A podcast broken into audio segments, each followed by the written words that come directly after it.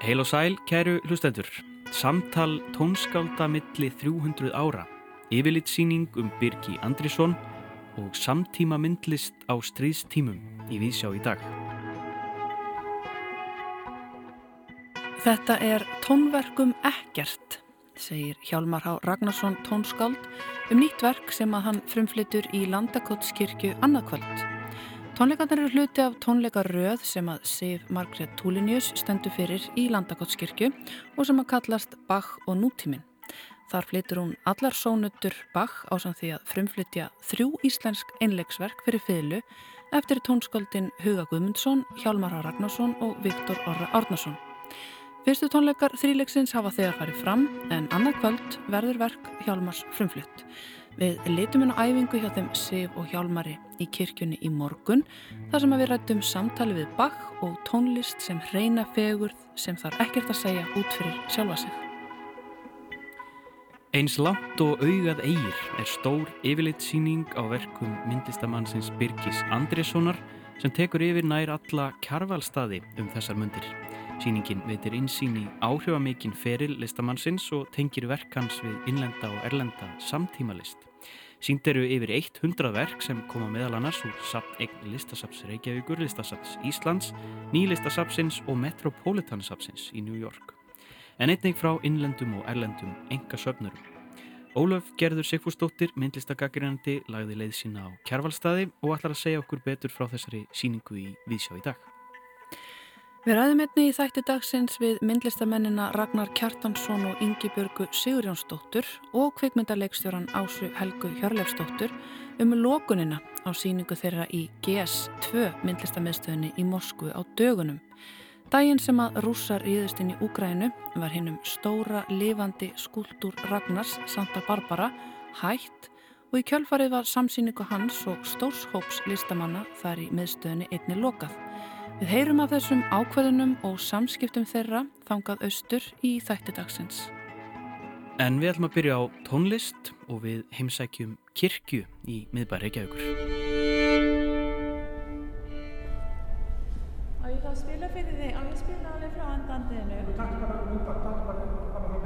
Á ekki það? Ok, við, við erum sér þetta. Við erum stödd í Landakotskirkju og rétt heyrum samtal þeirra Sivjar Margreðar Túliníus fylguleikara og Hjálmars Ragnarssonar tónskálds.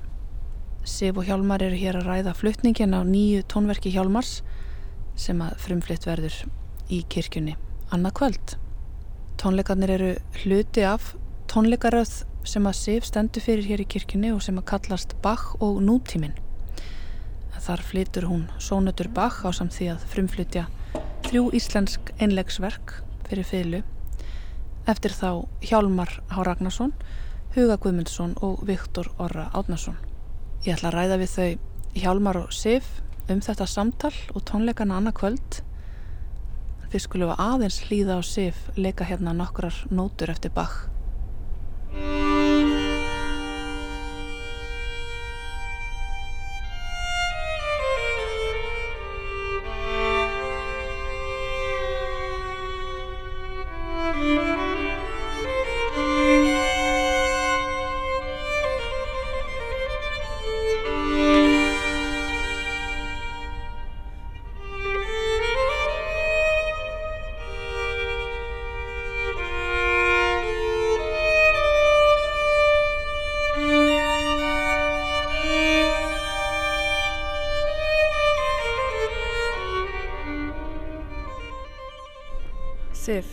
Innleggsónutur Bach hvers konar verk eru þetta? Úr hvaða ranni sprettur þetta? Í hvaða samingi verður þetta til og hvað Bach að hugsa?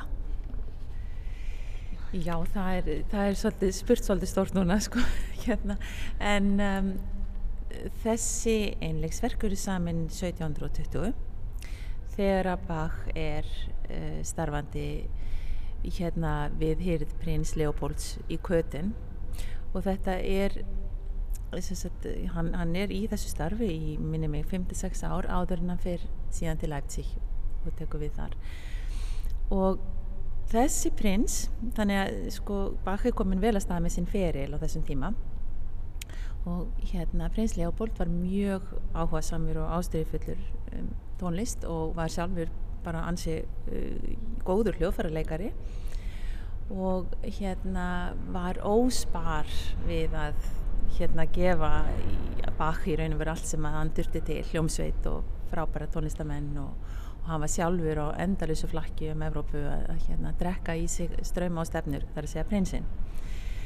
Og þannig að á þessum tíma verða til um, þessar einlegsónutur og reyndar einlegspartitur líka sem hann sandi og allar svítur, einlegsvítur uh, fyrir cello. Brandenburga koncertar margt fleira, þetta var svo ótrúlega afkasta mikið tónskáld. Um, þannig að þetta er svona kannski það sem að flokkast undir uh, er stundum flokkað sem verallir tónlist bak um, og um, þannig að þetta er þarna spretta þessar sónundur og, og fyrir náttúrulega fyrirleikara er þetta bara gersemi allir, allir fyrirleikarar sem fara í gegnum klassistónlistan á spila bak mm -hmm.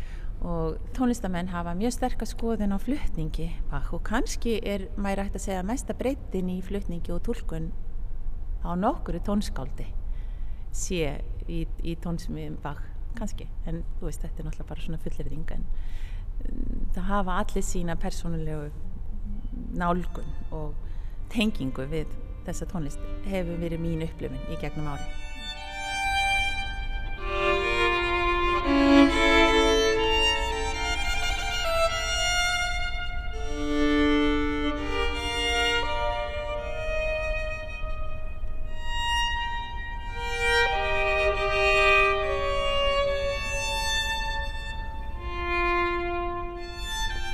Hjálmar, um, er það ekki rétt hjá mér að þetta er algjört viðmöðunaverk í tónlistarsögu okkar hér á Vesturlundum allavega?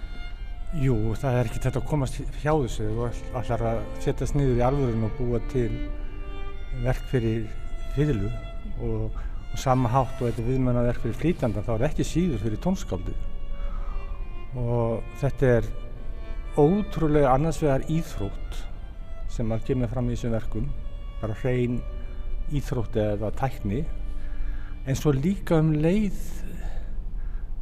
bara skínandi fegur að, að, að svona eins og maður bara getur svona séð í einhverjum öðrum draumaheimi sko. Og þetta er auðvitað abstrakt tónlist. Ég myndi hún, sko ég veit hún er sagt henni stilt upp sem verallegri tónlist á móti trúarlegri tónlist Bachs en þessi tónlist Bachs verallega eða abstrakt tónlist Bachs er, er full af einhvern veginn einhverju fegur, ég geti hef bara ekkert annað orð því miður og einhverjum sem er sálarbætandi einhvern hátt. Á þess að vera að segja mann eitthvað hvernig á að gera hlutin eða senda einhver stílaboð eða eitthvað slíkt. Hún er bara í sjálfu sér hún er bara tónar tónbíl, röðmar og hljómar sem reyfast um í rými.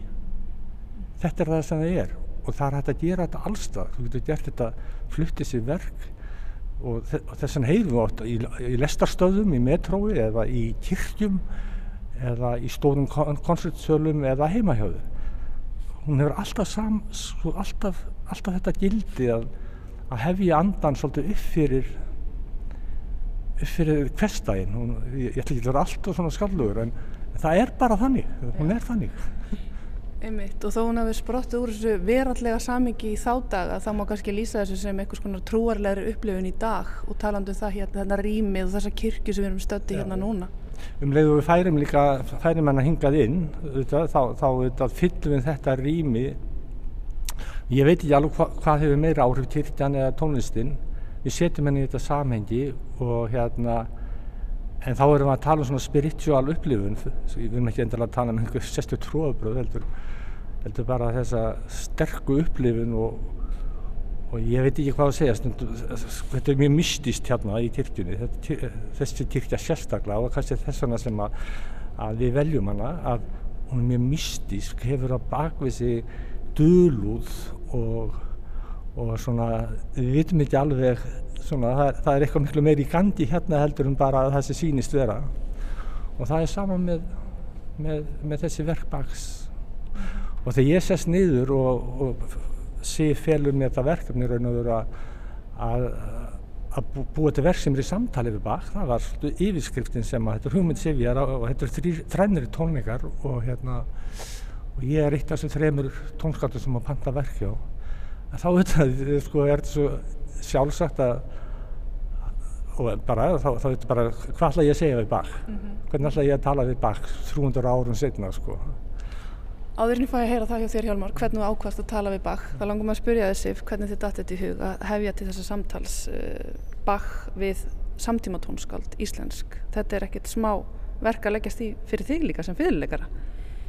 Já, fyrir mig hefur þetta náttúrulega verið bara mjög gaman og gefandi og skemmtilegt. Þetta er náttúrulega eins og svo oft með svona hluti þá, þá hefur þetta svona svolítið fyrr sína leiðir og það eru auðvitað búið að vera alls konar krókaleiðir og ýmislegt á leiðinni en hugmyndin er komin eh, til vegna þess að það voru 300 ár, þess að árið 2020 voru 300 ár fátt í hans samtid þessi, þessi verk og þannig verður þessi hugmynd til og, og hérna og mér hefur fundist frábært í fyrsta lagi náttúrulega að vinna með Hjálmari og með Viktori og Huga auðvitað líka.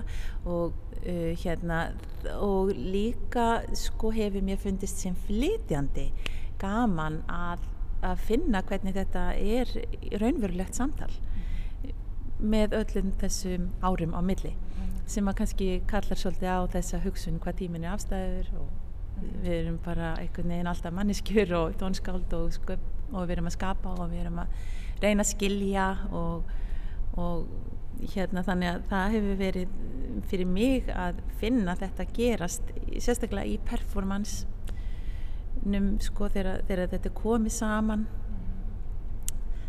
Sónata Bach sem hann skrifar fyrir 300 árum og svo ný íslensk tónverk eða ný tónverk eða nýtt sköpunverk fyrir fylgu það sem er e, engin elektróník og ekkert annað alveg eins og hann gerði það er bara magnað að finna þetta upplifa það gerast í raun og veru og þetta er samtal.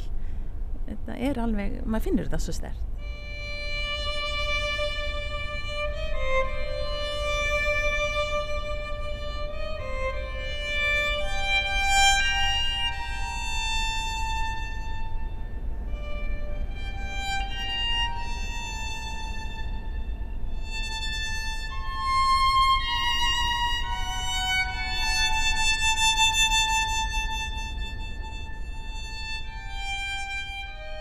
Hjálmar, þú ákveður að semja partitu í fimm þáttum, segðu mér þetta er struktúr sem að kemur frá Bach, ekki sagt og já, segðu mér hans frá þessu sköpunarferli.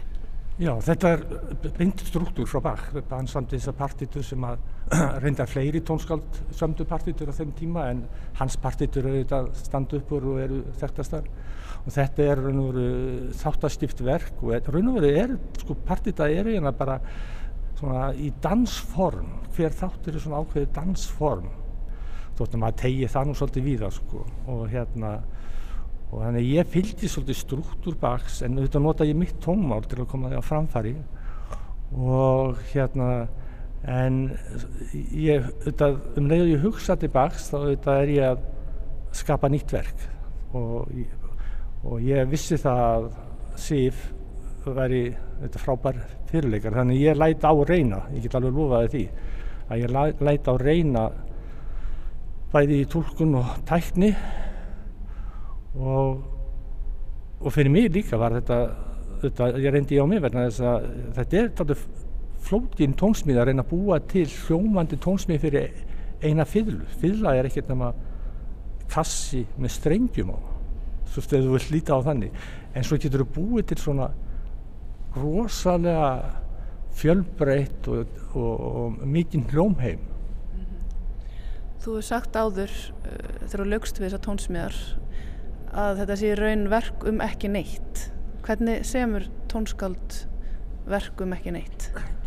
Þetta er svolítið luxus tónlistamanna eða tónskálda af því að tónlistin per sé hún býr ekki við neinunum að hljóðum og tónbilum og afstæðum og formum og struktúrum og minstrum Við erum ekki bundin við orð eða, eða eins og rítöfundurinn eða ljóðskaldu, við erum ekki bundin heldur við, við einhvers svona hinn veraldlega heim. og mér hefur fundist og ég hef kritisera það að mér hefur fundist krafan á listamenn vera undanfærin ár og ég hef ára tíu alltaf vera svo að að gera grein fyrir því að hverju þetta semja þetta og ávertið erindi við samtíman það er allins klísja sem heyrist alltaf og, og er krafum það að þú getur fengið kannski einhverja peninga.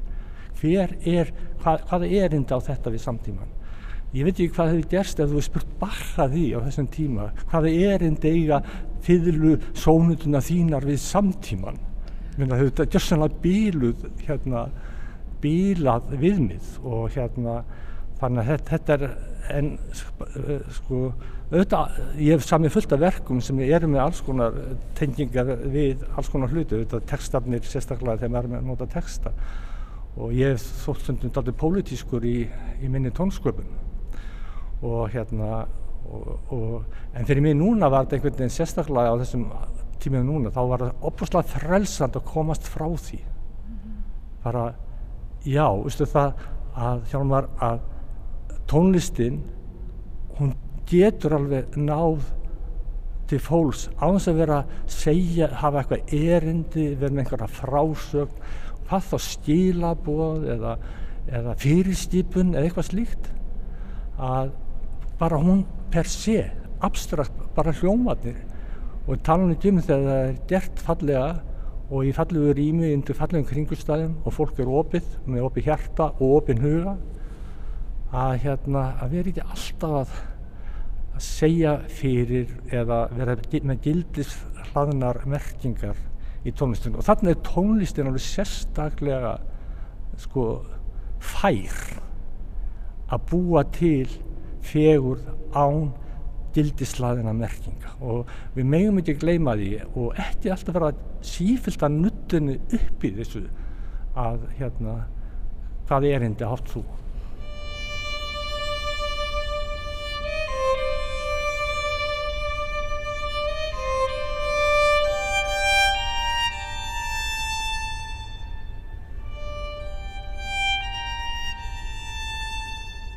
er hægt að fjalla um ekkert með því að taka þessa afstöðu að hverfa frá raunveruleikunum hérna í kringum okkur og fara yfir ykkur abstraksjón þá ertu auðvitað að segja eitthvað með því kannski. Kannski hversu mikið langar til að fara inn í tónlistanum bara og hverfa inn í fegur hennar og, og fjarlægast niðin hérna í kringum okkur eða hvað? Já auðvitað, þetta er kannski, þau eru upp í staði er þetta kannski miklu meiri sögn heldur en hitt og ég les alveg opuslega mikið eðlisfræði það heyri stjallur hér.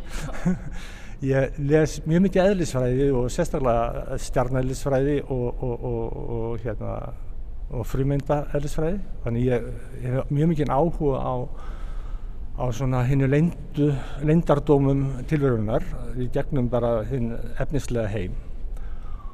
Og Ég svei mig þá held að niðurstað margra fremstu eðlisfræðingi heimi í dag er svo að, að endanlega er þetta bara einhver ljómur sko, þú veist, bara tilvistinn og hérna þá er ég að tala um, sko rísasamhenginu og kosmosin og hérna og ég tala ekki með að þú fer út í strengjafræði eitthvað slíkt.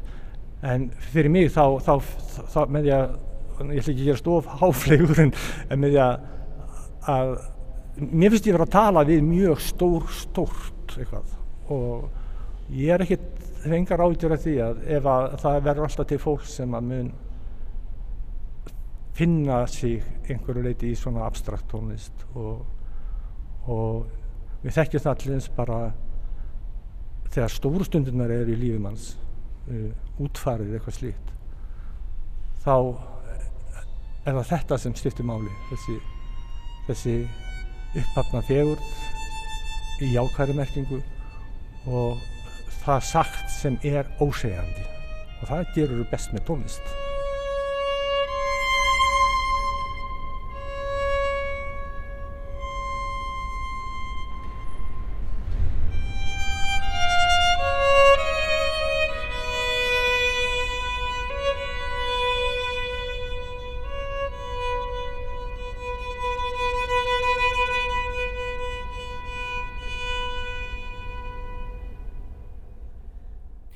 Halla rætti þarna við Hjálmar Há Ragnarsson, tónskáld og Sif Margreti Túliníus einleikara um tónleika sem fluttir verða annað kvöld í Landakotskirkju.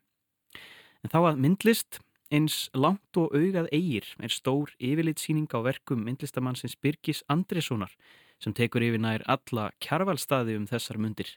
Sýningin veitir insýn í áhrifamíkin feril listamannsins og tengir verkans við innlenda og erlenda samtíma list. Ólöf Gerður Sigfúsdóttir tekur nú við. Á kjærvalstöðum stendur nú yfir síningin eins langt og augað eigir, umfangsmikil yfirlitsýning á verkum myndlistamannsins Birgis Andrissonar.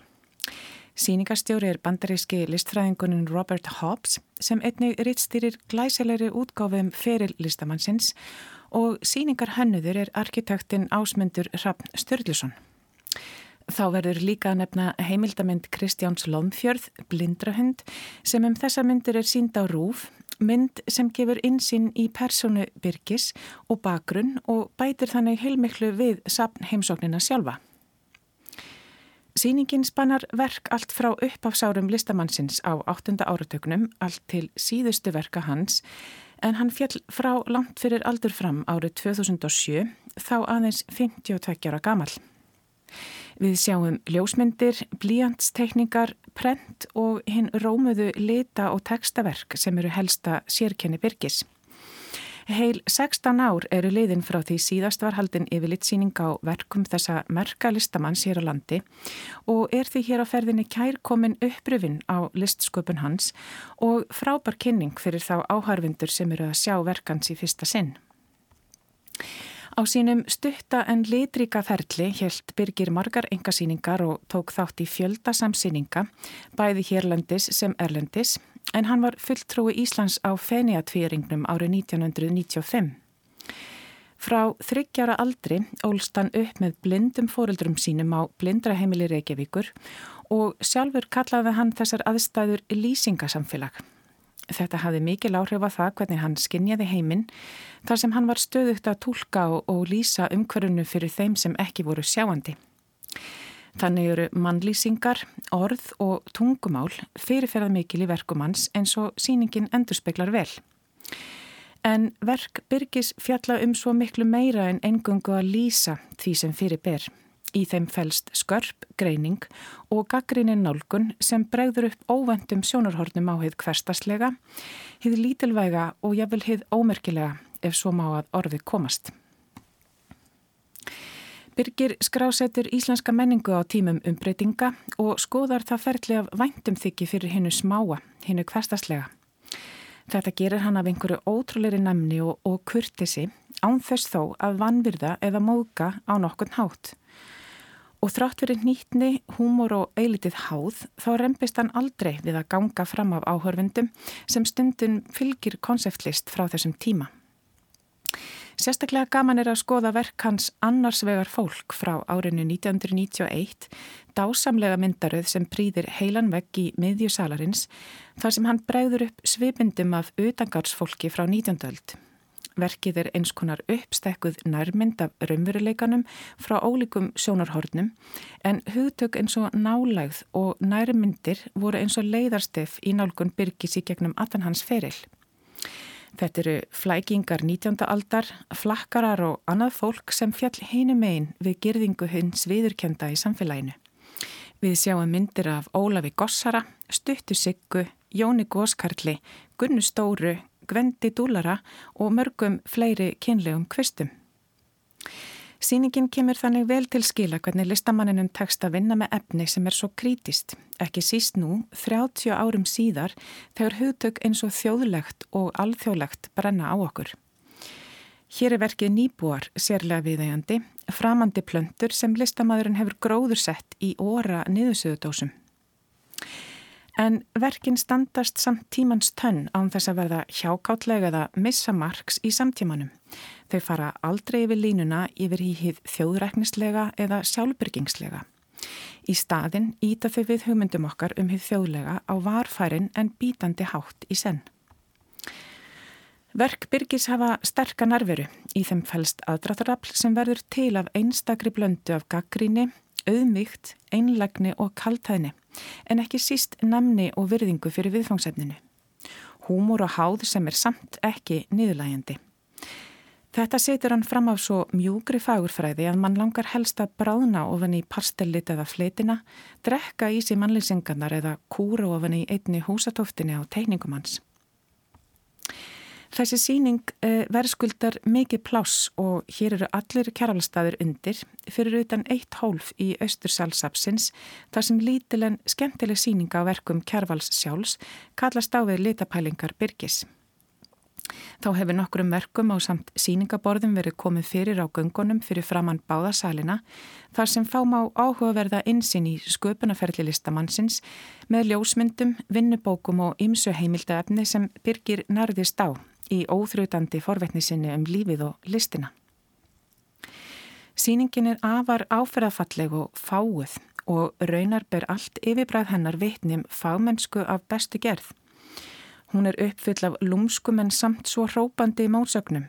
Hið nálega og hið fjarlæga, hið þjóðlega og hið alþjóðlega, hið heimáttarlega og hið stórborgarlega, hið litrika og hið grámóskulega. Birgir vinnur í raunins og þjóðfræðingur og vettvangi. Hann rannsakar þjóðmenningu, sagnir, hefðir, handverk, byggingalist og fleira. Hann skoðar heimildir, skjöl og önnur form þjóðlegs minnis og setur tólkun sína fram á sinn einstaka listræna hátt. Verkin ít okkur í að horfa í eigin rann, inn á við í arfin og söguna til að skilja menningu okkar í samtímanum en um leið opna þau göng út úr hinnu heimáttarlega, út í hið starra, umlikjandi samhengi. Sáði Ólöf Gerður Sigfúrsdóttir en hún fór á yfirlitsýningu á verkum Birgis Andrissonar sem nú er til sínis á kjarvalstuðum. Ólöf Gerður kom frekar sátt út af síningunni og við mælum með því að fólk leggja leið sína á kjarvalstæði en síningin stendur yfir til 15. mæ. Og við ætlum að halda okkur við myndlistina. List og menningar samskipti millir landa á stríðstímum er okkur ofarlega í huga þessa dagana. Guðni Tómasson tekur nú við. Stríðið í Úkrænu hefur eins og hlustundur vita haft margvísleg áhrif umfram þær skjelvilegu hörmungar sem að nú dinja á úkrænsku þjóðinni eftir að innrásastríð rúsa hófst þar 24. februar síðastlegin. Til dæmis hefur verið slitið með ýmsum hætti víða um lönda á menningarsamskipti við þessa stórþjóði í austri og íslenskir listamenn hafa verið þar á meðal. Björg Guðmundsdóttir hefur aflýst tónleikum sínum sem að ráðgerðir voru í Moskvu í sumar. Íslenski dansflokkurinn var á leið til borgarinnar og hætti snarlega við þáferð og loks hefur komið fram í fréttum að síningarhaldi Ragnars Kjartanssonar myndlistamanns og samstagsfólks hans í GS2 menningamöðstöðinni í miðborg Moskvu var hættar á dögunum. Rísavöxtnum Gjörningi Ragnars, eins konar lifandi skúltúr sem hétt Santa Barbara, var hægt strax á innrásardaginn og samsýningu hans og fleiri listamanna sem hann sýningarstýriði með eiginkonu sinni Yngibjörgu Sigurjónsdóttur var fljótlega lokað í kjölfarið. Svo síning hétt til Moskvu, til Moskvu, til Moskvu heitið vísunni þrjársistur Antons Tjekov en Ragnar er mikil áhuga maður um rúsneska menningu í sínum fjölbreyttu myndum. En aðalverk Ragnars í Moskvu, lifandi skúlturinn Santa Barbara, hlaut sem satt snöggan endi. Á hverjum degi var eitt þáttur af bandarísku sábuópurni leikin tekin upp og settur saman þarna í menningamiðstöðinni, byrjað á þætti nr. 217 sem var fyrsti þátturinn sem síndur var í rúsnesku sjónvarpi eftir fallsovjetríkjana og tilstóð að gera 98 slíka þætti í safninu, en svo fór að þáttur nr. 299 í seríunni var sá síðasti sem var unnin. Verkefninu átti að ljúka núni í gær, en því lauk eins og áður saði á innrásardaginn. Ég hitti Ragnar, Yngibörgu konu hans og aðalleikstjóra Santa Barbara verksins, kvikmyndi gera konuna Ásu Helgu Hjörleifstóttur, til þess að ræða þennan endi verksins sem Ragnar segir vera Það er náttúrulega bara eins hryllilegur og, og hægt er ímyndið sér. Og þetta er náttúrulega bara svo ótrúlega sorglegt að horfa upp á fólk og bara alla í þessari blessiðu borg Moskvu. Horfa á það að fólk horfa upp á sko sína stjórn rigna stríði og blóði og dauða yfir nágrannsinn í Ukrænu og meðan er allt að loka inn í borginni og allir í rauninni bara komnir í gíslingu hjá þessum eina manni, hún er Vladimir Putin og hans Putin datum. Margtröð að horfa upp á. Sko það að taka ákverðunina uh, þið gerðu það bara strax á innráðs var kvarnirnar hafa farið hans í marga ringi í hausnum á ykkur við það að, að, að gera þetta vegna sem síðan auðvitað hefur margt gert í mildtíðinni það hefur verið nokkurn veginn slítið á bara öll menningarlega samskipti við Rúsland og Rússa út um allan heim það var ekki alveg þarna fyrstu dagana hvernig, hvernig var ákvarðantakan? Hún bara Það kom eiginlega ekkert annað til greina Nei. þegar maður vaknaði um morgunin og, og sá að það hefði bara verið loftar á sér um nóttin og það væri bara hafið e, raunverulegt blóðugt, rillilegt stríð í Ukrænu þá kom ekki til greina að vera að halda áfram eins og ekkert hefði í skorist þarna. Það var í rauninni, ákvörðurinn snýrist í rauninni bara frekar um sko, hvernig maður myndi útfæra það að því að maður vil ekki koma fólki í hættu og maður vil gera þetta á uh, hátt þar sem að það er skýrt að maður er að taka skýra afstöðu gegn stríðinu án þess að ógna öryggi fólks og listaverkar sem að eru þarna mm -hmm. þannig að þetta var í rauninni bara svona vinnan var útfærslan í rauninni frekar heldur en ákveða hvort það ætti að gera það Saði Yngibjörg Sigurnánsdóttir. En Ása Helga Hjörlefsdóttir, aðarleikstjóri verksins, hefur verið í daglegum samskiptum við stóran hóp þáttakanda í Santa Barbara verkefninu. 70 manna hóp, leikara og tæknifólks, allan síningartíman frá því að síningin var opnuð í desember síðastlennum. Hún lýsir samskiptum sínum við listafólkið þegar innrásin hófst. Sko daginn áður, 2003. Eh, februar, daginn fyrir innrás, þá, þá var þetta náttúrulega orðið ansi tens allt saman og það var verið að kalla Ukrænum en heim frá Rúslandi, ukrænska ríksborgara og uh, eitt triði af krúun okkar er, er, er frá Ukrænu og þannig að en, en daginn áður þá, þá, voru, þá fannst mér stemningin vera meira sko hérna eins og hljófarleikararnir á Titanic, bara við skulum spila þar til yfir líkur og bara þetta er haldreipið okkar og hefur verið í gegnum tíðina. Um, þetta er bara, listin er kannski eina haldreipið á svona stundum en svo bara uh, já, svo daginn eftir það hefur bara náttúrulega allt gjör breyst, heimurinn gjör breyst og það var tekin upp eitt þáttur þá bara þann dag og, og hann er bara mjög uh, tilfinningaþrungin og hérna og það, það er bara já, maður sér bara mjög mikið mun á öllum og við, já, við vorum alltaf bara í símónum örgulega allan þann dag að, hérna, að fara, yfir, fara yfir þetta allt og bara það höfðu öllu farið í gegnum allir, hérna, allir leikararnir og allir höfðu farið í gegnum í rauninni sama ferðarlag sko að byrjaði að vilja halda svo áfram og svo bara nei, þetta er bara óbræði munin, ég get ekki, nei bara, þannig að það var það var rauninni bara einhugur. Ragnar, þú hefur sko talað um Santa Barbara sem er efniviðurinn í þetta verk þarna úti e, sem einhvers konar opnun millir austus og vestus í kjölfar lóka Sovjetiríkjana þegar þegar skiptum fána á Rauðatorkinu þá hérna, nokkrum dögum setna þá byrjar þessi bandaríska sábúður í sjónvarpinu. Ef við setjum það eins í samengi bara að þetta er 30 ára tímabill 1991 byrjar þetta í sjónvarpinu svo er árið 2022 og það er allt annað veruleiki búin að taka við sko finnst þetta ekki einhvern veginn rammast inn bara daldið með í kringum þetta? Já, reymi, þetta byrjaði sko, þetta er okkur á 30 þetta byrjaði sko reyndar sko 1992 í sjónarpinu, í janúar 1992 bara viku eftir að nútíma Rúsland byrjaði. Og þú veist, og í rauninni stóð Santa Barbara sem takk fyrir þennan glugga sem var núna opinn til vesturs og bara um menningarsamskipti fyrir hundi Sovjet liðveldana og, og hérna og, og bara evróskar og amerískar menningar og bara í allir síni flóru og síðan bara akkurat hérna, 30 árum setna 2022 þannig að 24. februar þá var þessum grugga bara skellt í lás með þessari einrás og það var mjög undarlegt að vera að gera verk um þessa já, upphaf þessa þessa lands eins og það var og að bara akkurat í miðum klíðum og því verki þá ljúki því landi. Og nú bara höfum við annars konar Rúsland í dag. Líka það sem er svo skelvilegt er að þá er svolítið svona eins og þess að ég verið að segja við alla nei, heyrðu þetta var bara hlutverk sem þið máttuð aðeins prófa. Hérna, nú bara núna hérna, núna er hlutverkleikurinn búinn.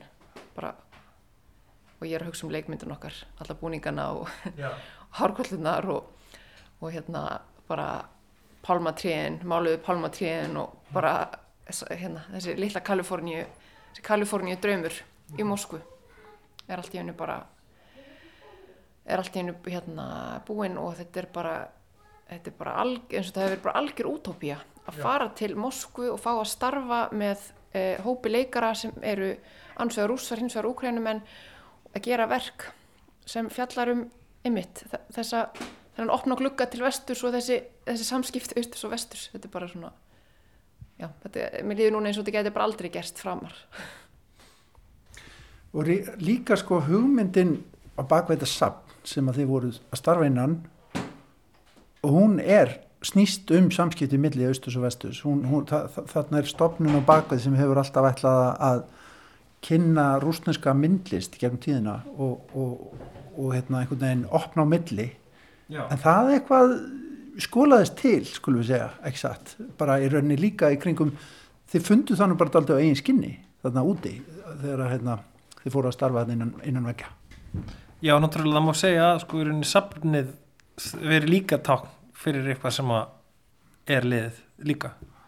Að sko þessi, þessi hugmyndum hérna um bara um menningarlega samskipti millir hérna, millir Úslands og, og hins, hins vestarna heims. Og maður fann það þú veist þegar við vorum að vinna í síningunni að það, það var sko virkilega að fara að sko nuttra í þeim stóðum maður bara fann þrýstingin frá sko peningöflunum og kreml í að sko í að þetta ætti alltaf að vera einhvern veginn -hmm. sem að bara gengur ekki samkvæmt uh, okkar hugmyndum um hvernig hvað má hérna hvað má þjármaða listinni. Þarna bakveðin náttúrulega einn af þessum margumrættu ólíkörkum uh, og auðvitað það sem þýðir að hann er mjög náinn valdinu, náinn kremlar bondanum uh, og situr í hans skjóli. Sko, ykkur var lofaði það ekki aðeins svona meiri hvað maður segja, fríðhelgi með listina inn í þessu mengi sem að síðan sko var ekki innistæða fyrir. Já, ymmið, það var uh, talað um að, að stofnunin væri mun frjálsari heldur en hún svo kannski í rauninni varð. Og ég veit ekki hvort það er einhverju leiti tengt pólitískri þróun líka. Á, maður heyrir talað um svona að það hafi líka fjari líka undan þessum ólíkvarkum og þeir hafi ekki eins mikil völd eins og þeir hafðu á einhverjum tímapunkti. Mm -hmm. uh, maður veit ekki hvort þetta hafi alltaf staðið til að, að hérna, það er einhver svona rittstjórn af allt þaðan eða hvort að að það hafi bara breyst eftir því sem að, að pólitíkinn breytist En það, já, einmitt, það er svona þið funduð eins og við kannski fjalluðum um á sínum tíma það var alls konar reytskoðun og ymslet annað í gangi þarna á, á síðustu metran Já, það var það. Og sko en, en við sko, en við tókum ákvarðanum að halda áfram að því hún sko, hún beintist í rauninni ekki að því sem við vorum að segja sko politist eins og í, í verkonum sko. Heldur meira bara eitthvað svona hlutum eins og uh, nekt og það mætti ekki segja guð. Já, það var í rauninni sko uh, í rauninni var rittskoðunin sjálf uh, þannig að smá ómerkilega þannig. Þetta var ekki verið að fara í stóru sko listrænu punktana sem var verið að gera þarna þannig að sko stærstu og öflugustu bitarnir urðu algjörlega eftir og hrefðir en hérna en maður náttúrulega fær bara óbræð í muninum að það sé verða reytskoða myndlist og listir yfir höfuð. Mhm. Óþólandi umhverju að vinni Já, og þú veist, já, það er óþólandi en náttúrulega sko þú veist, í ykkur leitið smá líka bara áhugavert að upplifa það sem listamenn sko að sjá inn í heiminn sem að svo mikið af listamennum sem að maður ber vinningu fyrir bara í listasögunni hafa þurft að vinni í. Mm -hmm. veist, hvað ótrúlega mikið af listir sköpu í svona viðbjóðslegu umhverfi. Já, þetta afhjápur náttúrulega bara veruleikan sem að fólk í Rúslandi og í svona öðrum löndum bara þarf að vinna innan. En þetta sýnir náttúrulega líka það að listin hefur þunga, hún hefur mikilvægi, hún hefur vægi annars væri henni leift að vera hvernig sem er. Og að einhverju leiti e, sýnir þetta þá manni líka að það skiptir máli að taka þátt á einhverju leiti inn í svona floknu samhengi mm -hmm. að það hefur eitthvað vægi en svo auðvitað þegar að, þetta tekur svona hryllilega sveiju eins og gerði núna að þá auðvitað getur maður ekki tekið þátt í því lengur og þá verður maður að slíta það Þetta var svona svo augljóst bara hérna him, bara því að þetta, þetta var allt á gráasvæðinu svo bara var, var laug því bara á eins og deginu það var ekkert á gráasvæðinu lengur. Nei, meina, við ringdum í Ragnar Helga Ólafsson vinn okkar ljóðskald sem að tók þátt í, í, í síningunni með frábæru verki þarna, sem heitir hérna, dögun að eilifu og hérna sem hefur verið mjög tíðrægt um gráasvæði það var svona símtal bara, já já, nú er þessu gráasvæði bara lókið þegar þú varst náttúrulega leika líka að leika þér inn á þessu gráðsæði, eiginlega leika þér að eldinum kannski við að vinna þarna inn með til dæmis manni sem er svona nálægt þessu morsku valdi? Já, og náttúrulega vinna, veist, og, og vinna því að sko segi og sko vinna inn í þessari sko í styrunni rústnesku menningarhefð sem að er að sko að segja hluti án þess að vera að segja það á beint út. Að sko bara þú veist að, að vera að dansa í kringum sko einmitt eldin að sko að ná að gera þú veist þú veist, verk sem að eins og Santa Barbara sem bara, þú veist, við lítum á algjörlega sem mjög pólitíst verk. Að, að, þú veist, að ná að gera það í þessu umhverfi. Að þú veist, það myndi mig alltaf svo á þess að ég man alltaf eftir einhverju sjónstætti sem var á á rúf um bara, í, þú veist, ég var lítill um hérna, um einhvern rústenskan brúðugerðamann sem að eitt hans rosalegasta hérna atriði sem var sínt í ríkisjónarpunni í Sovjetríkjónum var sko svona mariachi söngara sem sungu æj, æj, æj, æj, æj, æj, æj, samerkibú þú veist þannig að hann náði að segja í brúðuleikursi bara eitthvað ég fíla ekki samerkibú án án þess að segja. Það. og þú veist og, og þú veist það sem náttúrulega var þú veist hugsunin bara eitthvað bara krakkar þetta þú veist þetta samfélag hérna er bara byggt á mjög sikk sábóperu sem er í rauninni sko íronísk sko útgáfa af sko svona einhvern, einhvern svona hryllilegum kapitalisma Ég er að fatta núna hvað þetta er, ég er fatta núna hvað þetta er eitthvað mikil trói hestur. Já, Já, já. Já, og við vorum náttúrulega í rauninni smá hissa á að, að það að sá trójuhastur hefði aldrei verið leistur upp, já, sko. einmitt. Að þú veist, þegar var reitskoðunin byrjaði að það skildi einhvern dætt í hug að taka þetta, Já. að aftengja þessa sprengju. Þannig að við í rauninni svolítið bara svona, ok, hérna, lefðum þessum hlutum að fjúka á því við hugsaum það er einhver virði að setja upp þetta verk í akkurat þessum aðstæðum. Það var greinilegt að opnun þessara nýju menningamiðstöðar þarna í miðborg Moskvu í desember skipti gríðalegu menningapólitísku máli. Miðstöðin var, já eða er, hugsuð sem hluti af menningarleiri umbreytingu miðborgarinnar til framtíðar. En pólitískir og viðskiptalegir hagsmunir vógu kannski ennþingra. Hagsmunir ríkasta aukifings Rúslands, Leonids Mikelsson, sem er ekki síst auður vegna gasvinnslu fyrirtækja hans víða um þetta stóra land. Og eins og framkom í fréttum á sínum tíma kom Vladimir Putin í menningamiðstöðuna fyrir opnun síningarinnar.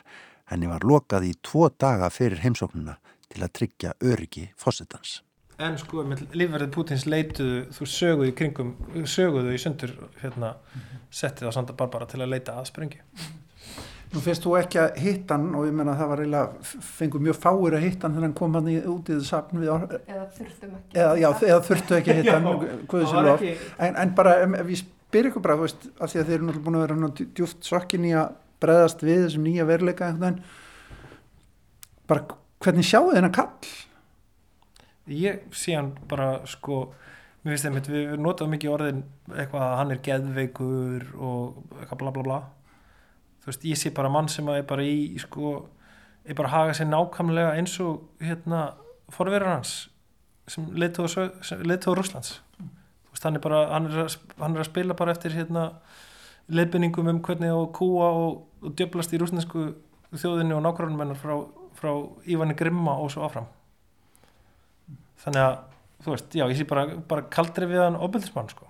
Já, bara mjög hættulegan einbyttan innræðisherra sem er búin að undirbúa þetta mjög lengi og búin að hafa mikið upplýsingarstríð árum saman til þess að búa til jarðvegin fyrir þetta og þannig að allt talum, þú veist, einhver, að þetta sé einhver, einhver tilfinninga uppnám og hérna, einhver geðveiki og einhver svona, finnst manni kannski bara svolítið hættulegt og færa mann frá því sem þetta er, sem er virðist vera bara mjög útreiknað og kaldrifjaður hryllingur sem hann er að framkama.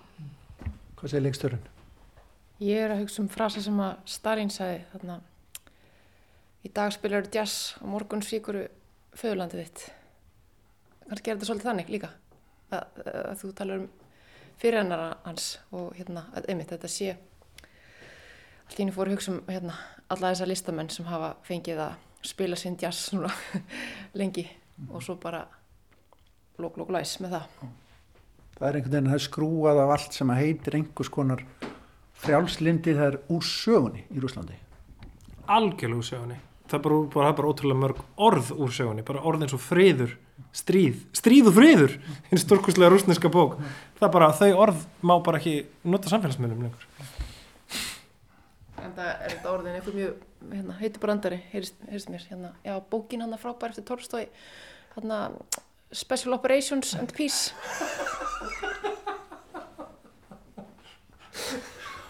Úi, hvað er ræðilegt. Þetta er ræðilegt. En stundum þarf maður að hlæja að því sem ræðilega sem gerist í, í hérna, veröldinni. En kannski einn svona logistísk spurningarlokum sko, bara það að gera upp svona síning og svona verkefni í landi sem er síðan bara lokað eða sagt, eiginlega nánast og bara orðin allt í einu kaldastriðs, gammaldags vondikall, óvinnur hvernig fer þetta allt saman? bara, hérna, svona, bara logistíst í ykkar ykkar starfi að, að fá verkin heim og, og, og það sé gert upp við listamennina sem taka þátt í þessu hjá okkur? Uh, já, það er sem betur fyrir alveg frábært fólk sem vinnur í þessu safni sem við treystum mjög vel og þau fóru bara um leið og við báðum um að síningun er þið loka, fóru þau í að, hérna, fyrir að fyrst fóru þau og kvöttu síninguna sem var mjög fallegt að, að starfsfólk safnsins, þeim var náttúrulega bröðið að síningun er þau lokað og óskaði eftir því að þeir eru kveikt á síningunni einu sinni enn svo starfsfólk geti kvart síninguna og þau gerði það. Og svo var bara farið í að pakka niður og þetta er bara mjög fært og gott fólk sem að við höfum fulla trú á að muni e, bara koma þessu vel fyrir og koma þessu til landsins. -hmm. Og út um allan heimverkin er svo sem að fara mjög víða. Og það er náttúrulega enn ekki komin herrlög eða þannig að landamærin eru ennþá ekki lókuð þannig að að sé verið að tala um því að það sé allt lokað þá er náttúrulega raunverulega ekki allt lokað ekki enn sem komið er allavegna þannig að við vonum bara að það haldist nóg lengi til þess að allt komist heim á leið. Og hvað var þar greiðslur og eitthvað svona þá satt best að segja erum við ekki mikið búin að vera að hugsa um þá hlið Eh, við erum búin að vera að hugsa um það að leikararnir og allir þeir sem að vinna við Santa Barbara gjörningin að þau fái sitt borgað og við erum búin að leggja mest á það og það er líka fólk sem er innan Rúsland þar sem er hægt að streyma penningum til þeirra og við skiptum miklu máli að þau fái greitt fyrir sitt og já, við erum ekki að hafa á að gera okkar reikningsskilum núna. Nei, þetta er bara allt, þetta er allt handan þess sko. Það að taka að vera í samskiptum við fólk. Þannig að það er líka snúið bara, ekki satt? Já, ég ætlaði að fara að senda fullt af tölupóstum og segja hugminn um Putin og stríðið og, og bara hérna og fekk ábendingu frá, frá einum hérna krúmeðlimi sem að hérna, en það væri kannski, ef ég geti, ég ætti kannski, ætti kannski aðeins umorðið þetta vegna þess að bara það að vera með einhver tölvusamskipti við einhverja frjálstunda vesturlandabúa sem er orðin stríð og hérna, uh, eitthvað neikvægt um Pútín hérna. það, það er kannski bara, getur bara einn daginn verið tólka sem anti-war activity og sáinn sami verið settir fangelsi mm -hmm. þannig að það er bara, ég er að læra þetta núna, að, hérna, einmitt að, hvernig ég get sagt hugminn á, á lein, svona, með leinlegum hætti og, og hef verið í samskiptum við, við alla og hérna og það er náttúrulega líka það sem við erum að hugsa um. Við veitum kannski ekki alveg nákvæmlega hvernig við getum sínt videoverkið með tillit til alls, alls þessa líka út af því að við viljum ekki setja þau í hættu. Við viljum ekki, þetta, að þetta verk verður náttúrulega bara pólitískar og pólitískar með hverjum klukkutíma sem líður. Og allt í einu er þetta orðin bara mjög pólitísk aðgerð að hafa, að hafa sauma búninga fyrir þetta verk eða hafa, eða hafa verið smiður í leikmyndinni hvað þá að, hvað þá að leika í, í verkinu. Þannig að við verum bara að sjá hvernig, hvernig málun tróast og, og vona það að bara í einhvern tíman í náinni framtíð þá, þá sé hægt að þá sé þessu hérna rillilega tímabili lokið og við getum sínt verkið. En óvenjulegt verkefni að, að fá upp í hendurnar uh, sjáu þið ekki eftir neinu?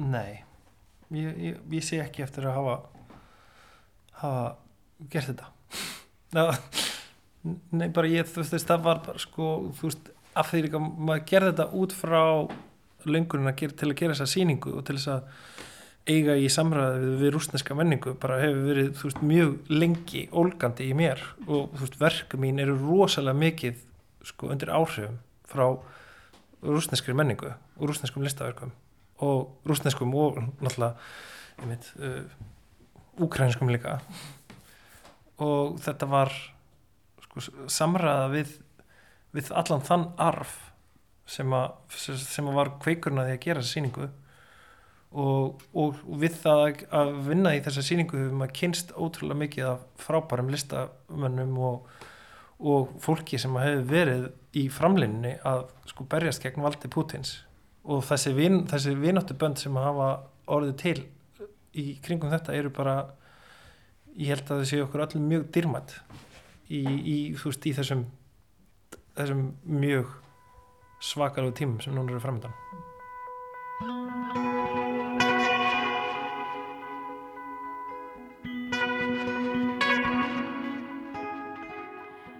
Saði Ragnar Kjartansson Guðni Tómasson rætti við hann og Yngibjörgu Sigjónsdóttur, eiginkonu hans og samverkakonu og listakonu og Ásu Helgu Hjörlefsdóttur, kvikmyndaleikstjóra. Og með þessari greinagóðu umfjöllun frá Guðna ljúku við viðsjá í dag. Við verðum hér á sama tíma morgun, laust eftir klukkan fjögur. Takk fyrir samfélgina og veriði sæl. Veriði sæl.